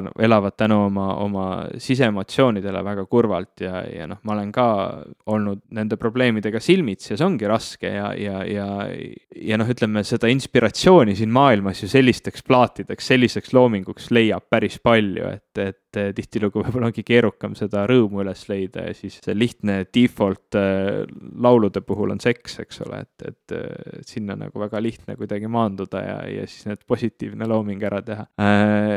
Et noh, ilmselt, ilmselt on seal nagu segu mõlemast, nii sellest, et sinult oodatakse seda, ilmselt platseebolt oodatakse selliseid plaate, nagu nad teevad, ja teine külg on ka see, et, et noh, et artistil on mingi väljund nendeks tunneteks ma sain Headlanderi läbi, sest ei ole väga midagi rohkemat öelda kui see, et ma sain Headlanderi läbi. sa oled mulle ka soovitanud seda, on ju? see on äge mäng. ma ei ole seda ikka veel vaadanud, aga miks see on tore um,? see on tore sellepärast, et, et mulle meeldivad siuksed äh, Metroidvania tüüpi mängud väga. Guacamele oli eelmine selline väga lahe Metroidvania tüüpi mäng, lihtsalt see, seal on nii palju, kuna see, kuna see nagu mäng ise ei pea olema nagu ääretult keeruline, siis seal on hästi palju ruumi selleks, et sa teedki selle visuaalse stiili ja selle, selle nagu kõigega, mis selle mängu ümber on, sa teed nii palju ära, et noh, lõpptulemusena on ta platvormikas ja, ja noh, loomulikult on ääretult oluline, kuidas sa selle leveli disaini teed nii, et sul oleks ikkagi põnev seda läbi mängida ja et seal oleks seda nii-öelda taasavastamist, et sa saaksid edasi ja tagasi mööda seda maailma liikuda, see ei oleks lihtsalt nagu, see oleks lihtsalt sundlus, et aa, nüüd ma pean jälle tagasi teise maailma otsa liikuma, et see üks asi ära tuua ja niimoodi tagasi, vaid see oleks nagu loomulik ja see tunduks tundukski nagu loogiline ja, ja head seda tüüpi mängud äh, seda teevad. et aga selle puhul juba ainuüksi see, see nagu huumor ja visuaalne stiil nagu müüs maha ja lõpptulemusena tegelikult väga hea mäng. ja seda saab mängida nii PC peal kui ka konsooliplatvormidel, kas nii? jah, on küll nii, ma ei mäleta, millistel konsooliplatvormidel ta on, äkki ta on äh, Playstationi ja Xbox'i peal mõlemal. ma arvaks küll, ma ei näe mingit põhjust, miks ta peaks olema, ma ei ole nüüd kindel, kuidas Nintendo erinevate konsoolidega on. Switch'il vaevalt veel on, aga kas ta jõudis ka Wii'le, ma ei tea, mobiiliplatvormil. mina ostsin ta Steamist mm. -hmm PC peal mängisin, väga tore oli. oma Xbox kolmesaja kuuekümne puldiga, mida ma pole veel vahetanud Xbox One'i puldi vastu, mis oleks nii palju mugavam, sest juhe ei tilpneks igal pool. aga ma saan aru, et see oli sihuke positiivne, helge mängukogemus. jaa, mängu story ise ei olnud positiivne helge või noh, mängud ikka lõpevad ju, põhimõtteliselt enamus mängud ikka lõpevad helgelt, et hea on ületanud halva ja mm., ja nüüd sina oledki see, kes, kes võitis, aga see mäng jäi natukene lahtisema lõpuga. ja, ja noh, mängu story sisu oli see, et, et inimkond on, eks ole, kõik eh, oma teadvuse upload inud arvutitesse ja elavad selliste robotitena maailmas, kus kõik on võrratu ja hea ja õnnelik, eks ole. elavad igavesti ja muredeta, aga tuleb välja, et, et see on tegelikult üks sihuke suur vang, mida tehisintellekt on meile loonud ja, ja nüüd siis sina kuidagi ärkad ellu juhtumisi sellise päris inimesena, aga, aga juhtumiseni on sinust alles ainult sinu pea ja sa oled selle peaga kiivri sees ja siis saad ringi lennata mööda seda maailma ja robotkehasid üle võtta mm,. sellest siis pealkiri Headlander. jah, et, et sa maandud kehadel. nagu Futuramas koguti neid äh, päid kuulsate inimeste päid.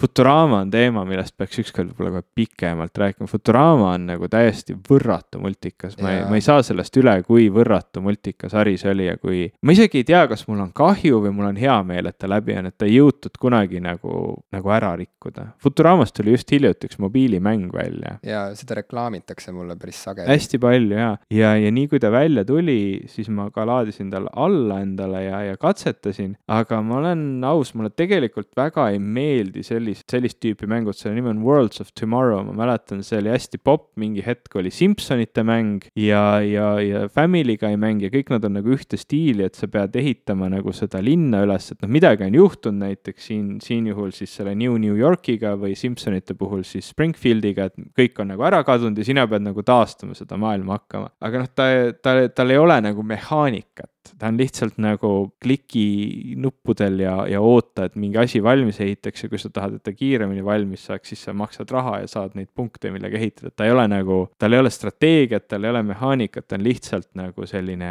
ajaviite, ajaviite nagu tegevus, mäng ongi nagu kuidagi palju öelda. Ja mitte, et see kuidagi paha oleks, eks ole.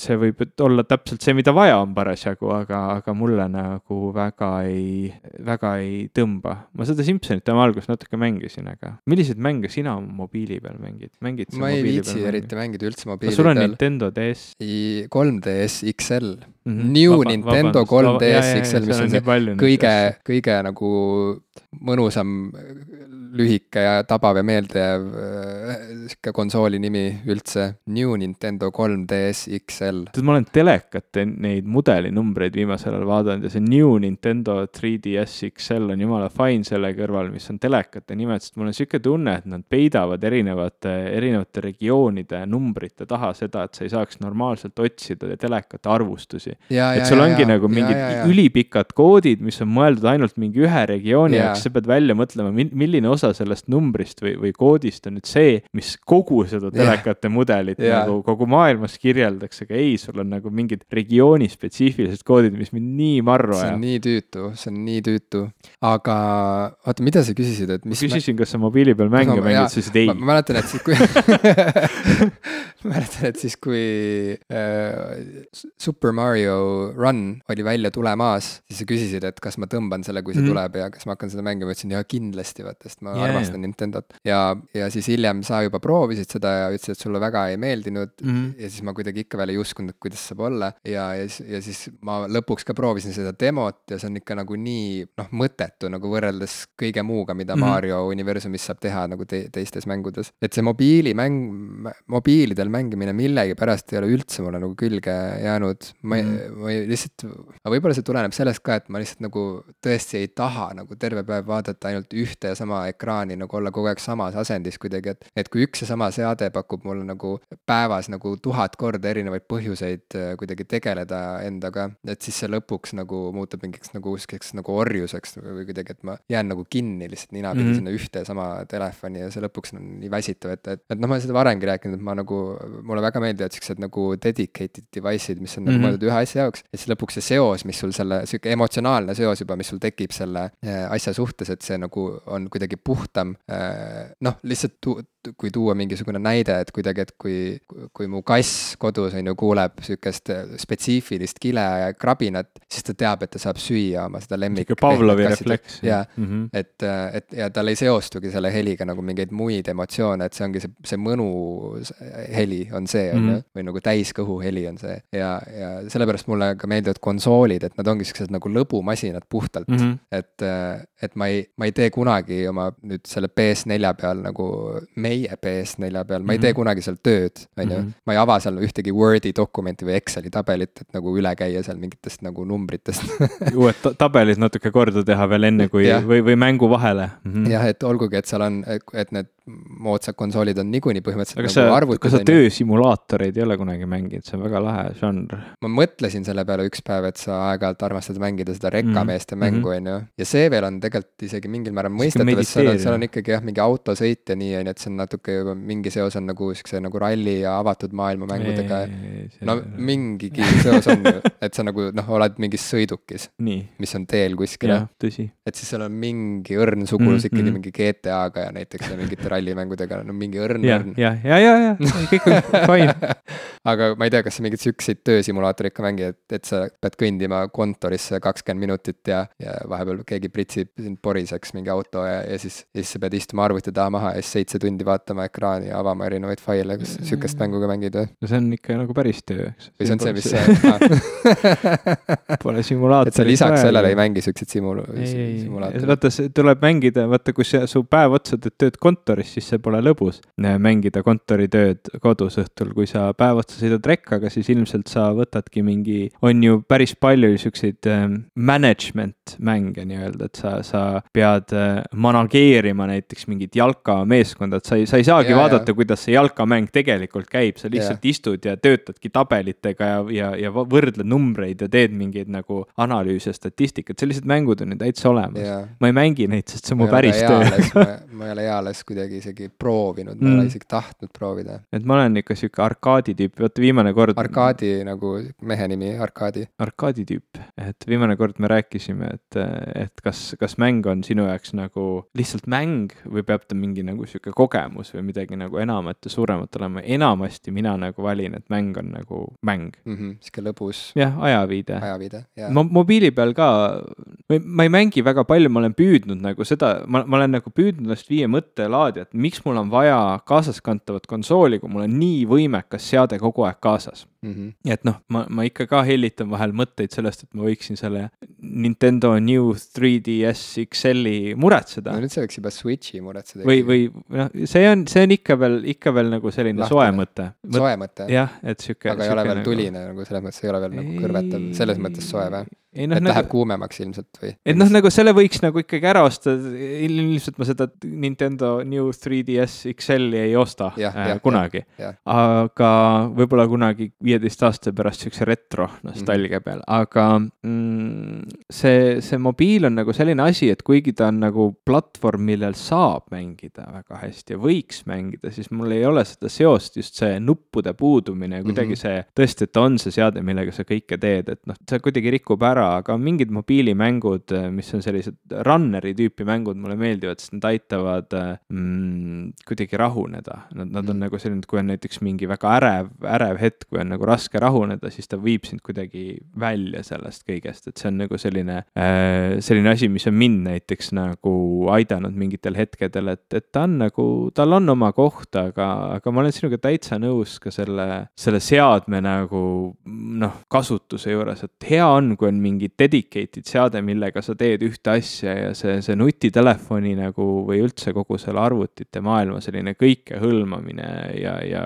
pidev olemasolu on mind viimasel ajal natuke rohkem järjest mõtlema pannud, ma kuulasin viimast Digitundi, kus Hendrik Roonemaa ja Mart Parve sellel teemal äh, pikemalt äh, rääkisid nagu noh, mida see üldse tähendab, see, see pidev nutiseadmete kasutamine ja, ja, ja et kas siin on mingi, kas, kas on mingid piirid, mida me oleme nagu ületanud, et noh, on ilmselge, et nendel seadmetel on suur positiivne mõju nii, nii indiviidi kui ühiskonna tasemel, aga, aga eriti indiviidi tasemel, et kas, kas me oleme ületanud mingi piiri või, või ka kui lihtne meil seda piiri ületada on või, või mida me peaksime tegema, et, et noh, säilitada mingisugune inimlik tarkus, kui ma julgen lausa nii imelikku väljendit siia juurde panna, et noh, noh, tegelikult on ju imelik mõelda, et mingi seade võtab meilt ära mingisugused inimlikud omadused, aga kui me mõtleme sellele, et me istume kuskil väljas pargi kõrval ja, ja, ja, ja vahime ainult oma telefoni selle asemel, et vaadata, mis meie ümber toimub või kõnnime tänaval,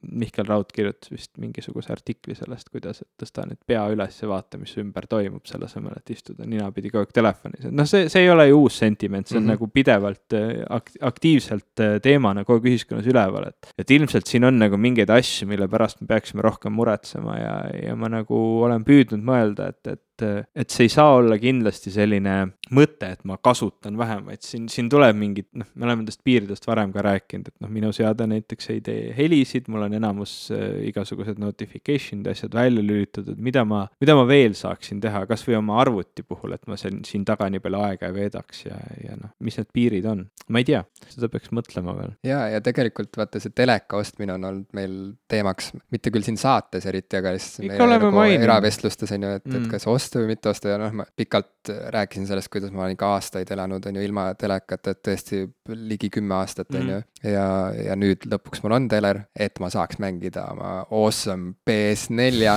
mis kuulub ka sulle, aga sul ei ole telerit, nii et see masin elab minu juures. ma ei ole teda jah veel katsunud. aga et äh, võin aeg-ajalt tuua pulti katsuda sulle, vot seda ei ole raske tassida seljakotis, kui ma Tallinnasse satun, võtan puldi kaasa. ma sain aru, et sa varsti satud Tallinnasse juba tihedamini. jah, no eks näis, ärme hüppa nagu, kuidas, mis on see, et kuidas, mis, mis on see ütlus selle peale, et loeme tibusid kevadel või, aga see ei ole päris see, mis ma, et, et, et lastud karunahka vist nagu peab jagama siis, kui karu on lastud või, kuidas vanarahvas rääkis? tundub, et üsna õudselt, mulle üldse meeldib mõelda mingitest tibude jagamisest ja, ja karu laskmisest, aga okei okay,, fine. et, ähm, et näiteks vaata, teler on minu jaoks alati olnud sihuke nagu negatiivsuse allikas mhm. põhimõtteliselt mm -hmm. või siukse nagu, et see on nagu, et, et sellega seostub mul pigem sihuke nagu väsimus, üleväsimus mm -hmm. ja sihuke nagu äh, ülestimuleeritus mm. -hmm. selle, nagu sellepärast, et lihtsalt puhtalt sellepärast, et ma olen üles kasvanud nagu pisikeses mm -hmm. korteris, kus oli liiga palju telereid, on ju. kui palju, kui palju neid liiga palju siis oli? no väike kahetoaline korter, kus oli mingi nagu seitse inimest konstantselt mm -hmm. ja kolm telerit ja okay. ma ei tea, kaks arvutit ja igal pool ekraani. kogu aeg midagi käis?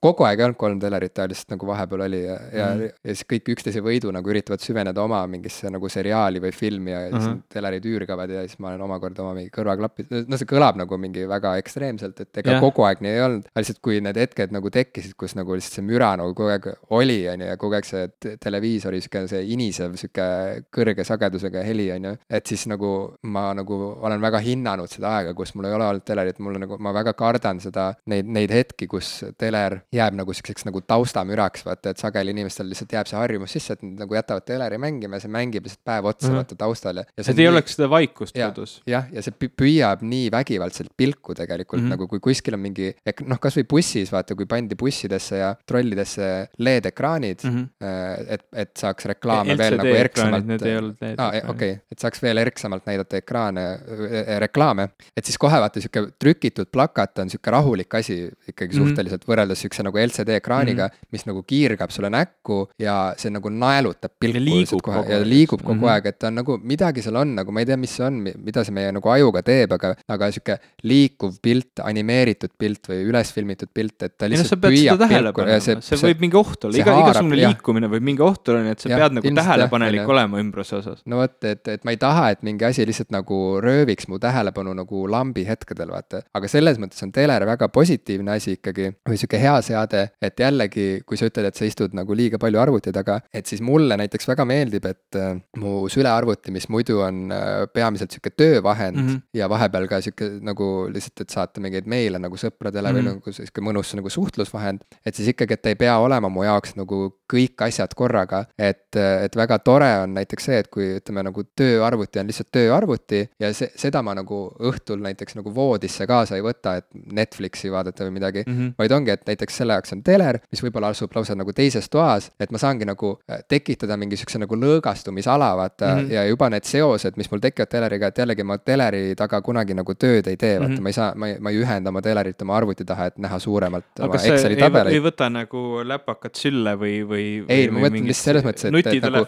tele, teleri, teleri kaudu ma ei tee tööd ah,, okay. vaata, et noh, mhm. ma ei kasuta telerit töö tegemiseks yeah.. et selles mõttes ta on jällegi puhtalt sihuke nagu vaba aja veetmise vahend, mhm. on ju, ja see on jälle nagu, see on jälle hästi positiivne, et ta ongi, ta on sihuke masin su kodus, millega, millega sul seostuvad ainult siuksed nagu lõõgastumishetked või siuksed nagu lõbusad hetked või mingid põnevad hetked ja, ja see ei seostu sul nagu mingite muude nagu töö, töökohustuste või mingite muude asjadega. et jällegi sihuke dedicated device, mida, kui sa oskad seda enda jaoks nagu piirata selle kasutust ja see ei lähe kuidagi nagu, see ei muutu kuidagi tausta, osaks taustamürast, mida on niigi liiga palju, igasuguseid asju, mis nõuavad meie tähelepanu ja röövivad meie tähelepanu täiesti nagu tarbetult tegelikult, midagi tagasi andmata. et siis see on väga äge jälle, nii et äh, kui sa sellest äh, regioonipõhistest mudelikoodide rägastikust lõpuks nagu ennast läbi murrad ja, ja kui lõpuks äh, muutub su elu nii kardinaalselt, et ikkagi teie majapidamisse saabub üks teler, võib-olla see ei ole see korter siin, võib-olla see on mingi muu elamine kuskil kunagi tulevikus, et siis ikkagi ma arvan, et see võib ka olla väga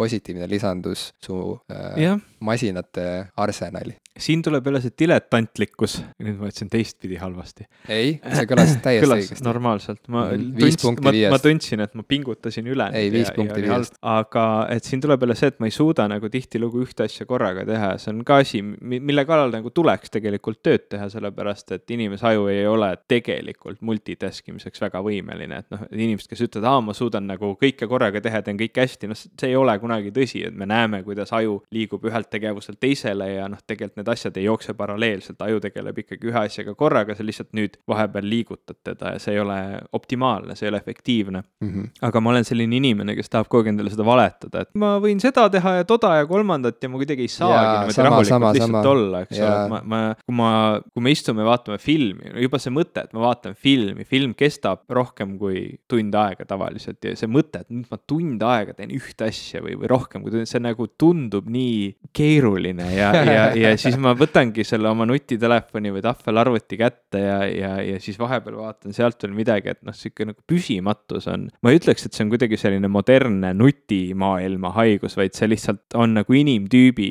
teema. ma olen täiesti kindel, et minusugused ka enne nutiseadmeid tõmblesid ringi ühelt tegevuselt teisele ja ei saanud mm. raamatut rahulikult lugeda, sest vahepeal tuli raadiot kruttida. ma, ma ei tea, mida inimesed tegid enne arvuteid anyway. mitte midagi ei teinud. E, et, et noh, selles suhtes ma nagu ühest küljest muretsen natuke seda, et kui mul on see telekas, siis jah, okei okay,, ma ei istu oma arvuti taga, ma mingi, mingi osa sellest ajast nüüd noh, nagu olengi nagu võtnud, okei okay,, et ma panen nüüd selle arvuti kinni, ma siin täna enam midagi ei tee, ma vaatan nüüd paar sarja ja lähen magama, et siis mul ongi nagu see, et nüüd ma ei istu enam arvuti taga, et seda sarja vaadata, ta ei jää mul lahti ja ma ei vaata neid asju voodis nagu, et yeah. ma võtan veel selle asja voodisse kaasa, et mul on nagu selleks tegevuseks on nüüd see telekas, ma istun maha ja vaatan seda ja siis kaovad nagu need, need nii-öelda arvuti ja, ja, ja, ja tahvel nagu nendest negatiivsetest kohtadest ära, et ma ei peaks nii palju õhtuti arvuti taga istuma, ma ei peaks võtma seda tahvlit voodisse kaasa mm. -hmm. et need nagu kaks negatiivset asja kaoksid ära, aga, aga ma ei ole kindel, et, et siin võib nagu asi halvasti minna, et ma jätkan kõiki neid teisi tegevusi ja toon veel ühe asja juurde oma ellu, et noh, et siin, siin jälle ongi see piiride, piiride tegemine. et äh, selles mõttes see on äh,, mulle tõesti mulle, mulle meenub üks sihuke soovitus, mida andis mingisugune, ma ei mäleta, no oli mingi guru on ju enam-vähem, ma ei mäleta, mille guru ta ikka oli. põhimõtteliselt ta vist rääkis nagu suhetest pigem ja nagu Suhtekuru. sellest, kuidas nagu, et, et mismoodi kuidagi oma armuelu nagu kuidagi hoida või. armuelu guru. armuelu guru ja siis ta rääkis magamistoa kujundusest, sisekujundusest. tantra guru. ma ei, ma ei mäleta, ma ei mäleta, ei, aga ta nagu rääkis, et, et noh, umbes, et magamistoas peaksid nagu valitsema mingid nagu punased ja roosad toonid ja nii, see noh, see jutt mulle nagu ei mm, ma, on ju, see on sihuke, ma saan aru, kust see jutt tuleb, on ju, ja mis seoseid ta seal tõmbas, on ju, Mhm. aga ikkagi, et mul vahel Aga- tullakse kabinetti, mõni töökaaslane tuleb, hakkab feng shui'st Mm. rääkima ja siis saad aru, see vestlus läheb tema jaoks nii ebameeldivaks nii ruttu, et enam väga paljud ei ole julgenud tulla Okei. aga jätka. aga üks mõte, mis oli seal kuidagi oluline minu jaoks või kuidagi, millega ma võisin nõustuda, oligi see, et, et, et magamistuba võiks olla tegelikult vaba elektroonikaseadmetest. et see tegelikult võiks olla sihuke nagu täiesti nagu seinast välja tõmmatud mm Mhm. -hmm. nagu koht, mis on mõeldud ainult nagu lõõgastumiseks ja noh, seal mindigi nii kaugele, et isegi nagu Maci või raadiot mm Mhm. -hmm. või nagu ei tasu tegelikult võtta mm Mhm. -hmm. nagu magamistuppa, on ju. ja noh, mul ei ole kunagi õnnestunud nagu mitte võtta kaasa, ma ei tea, telefoni äratuskell on seal, on ju äratuskell on sul seal täpselt. aga, aga ma saan aru samas sellest, et sellest mõttest või sellest äh, sihist, et, et see võib olla nagu jällegi nagu väga hea mingil hetkel elus mm. -hmm. võib-olla, kui sul ongi näiteks, et kui su magamistuba seostub sul ainult nagu lõõgastumise mm. -hmm. puhkusega ja siukse nagu väljalülitamisega või siukse nagu Jah. ainult siukse hea kosutava nagu rõõmustava siukse emotsiooniga ja, ja see ja, ja et magamistuppa minnes, et sul isegi ei tule nagu meelde, et võiks mingi meil sisse tulla järsku või, või noh, näiteks eile enne magama jäämist mul nagu äh, telefon vibreeris maas korraks on ju Mhm. mm -hmm. ja noh, saad aru, ma lihtsalt nagu ja, pidin ja, ja. nagu ümber pöörama ja vaatama, et okei okay,, mis asi see oli, ma korraks nagu üritasin mõelda, et okei okay,, ma hommikul vaatan, aga siis ikkagi jäi närima, et no Jaa. fuck, mis asi see vibreeris, on ju. siis ma nägin, et see oli lihtsalt mingi mõttetu kalendriteavitus nagu, et homme ma pean minema Pärnusse, vaata ja no ma teadsin, et ma lähen homme Pärnusse mul ei olnud vaja kell kaksteist öösel nagu seda Jah. meeldetuletust. et veel, veel korra välja tõmmata Jaa. ennast kogu sellest ja jällegi ma nagu, Mhm. mul kulus rohkem aega, et magama jääda, ühesõnaga, et, et siukseid segajaid võib tulla nagu suvalt sisse nagu iga, igast masinast, ütleme, on ju, mis nagu ma ei tea, järsku mingi tuli vilgub kuskil, jälle su, see nagu äratab su tähelepanu, jälle nagu noh, sa ei lõõgastu, vaat sa tegeled mingi mõttetu asjaga. et selles mõttes sihuke masinavaba, seinast välja tõmmatud, no magamistuba kõlab nagu väga sihuke hea ideaal, mille poole püüelda mm.. ja noh, jällegi nagu, et on võimalik äh, masinaid kasutada targasti, kui sa paigutad neid õigetesse Jah, kohtadesse. füüsilised ja piirid, eks ole ja. ongi, kui sa nagu reaalselt näiteks nagu jagad ka erinevaid nagu tegevusi, ülesandeid erinevate masinate mm. vahel, kui see on nagu kuidagi teadlikult tehtud, siis see on nagu, siis see on äge jah, ei, ma olen täitsa nõus. ja kasulik. jah, ja noh, ütleme telefoniga mul on selles suhtes ühest küljest halb ja teisest küljest vedanud, et ma natukene iga kord virisen selle üle, et mul ei ole neid äh, voodi kõrval igast mingeid kummut-, ei mitte kummuti, kuidas neid kutsutakse, öökappe ei ole, et, et mul oleks kuhugi, kuhu oma telefon panna, et ta oleks nagu lähemal, et ma ei peaks püsti tõusma iga kord, kui ma või, või, või üldse, et noh, ta on nagu ebamugavas kohas, et ta on minust üsna kaugel, kui ma magamistuppa ta panen ja ta peab mul seal olema, et ma hommikul üles ärkaks. ja teisest küljest noh, tegelikult on see hea, et ta seal kaugel on, ma ei vaata teda enne, kui ma magama lähen ja, ja noh, tegelikult olgem ausad, jah, ma vaatan teda pärast ärkamist, sest mu äratuskell heliseb, Mm -hmm. ma tõusen voodist püsti, ma lähen võtan oma telefoni ja tihtilugu ma siis vaatan ja mõtlen, et ma korraks viskan veel pikali ja selle asemel, et no siis ma jään seda telefoni muidugi uurima ja, ja vaatama, et, et ma arvan, et mingisuguste uute rutiinide loomine ja proovimine, mul, mul kuidagi mõlgub see, see nüüd viimasel ajal rohkem mõttes ja peaks nagu proovima ja mõtlema, et, et millised need uued natukene kasulikumad rutiinid võiks olla. mõtleme selle peale, kohtumiseni, Ivo. kohtumiseni. aitäh selle mõnusa saate eest. sullegi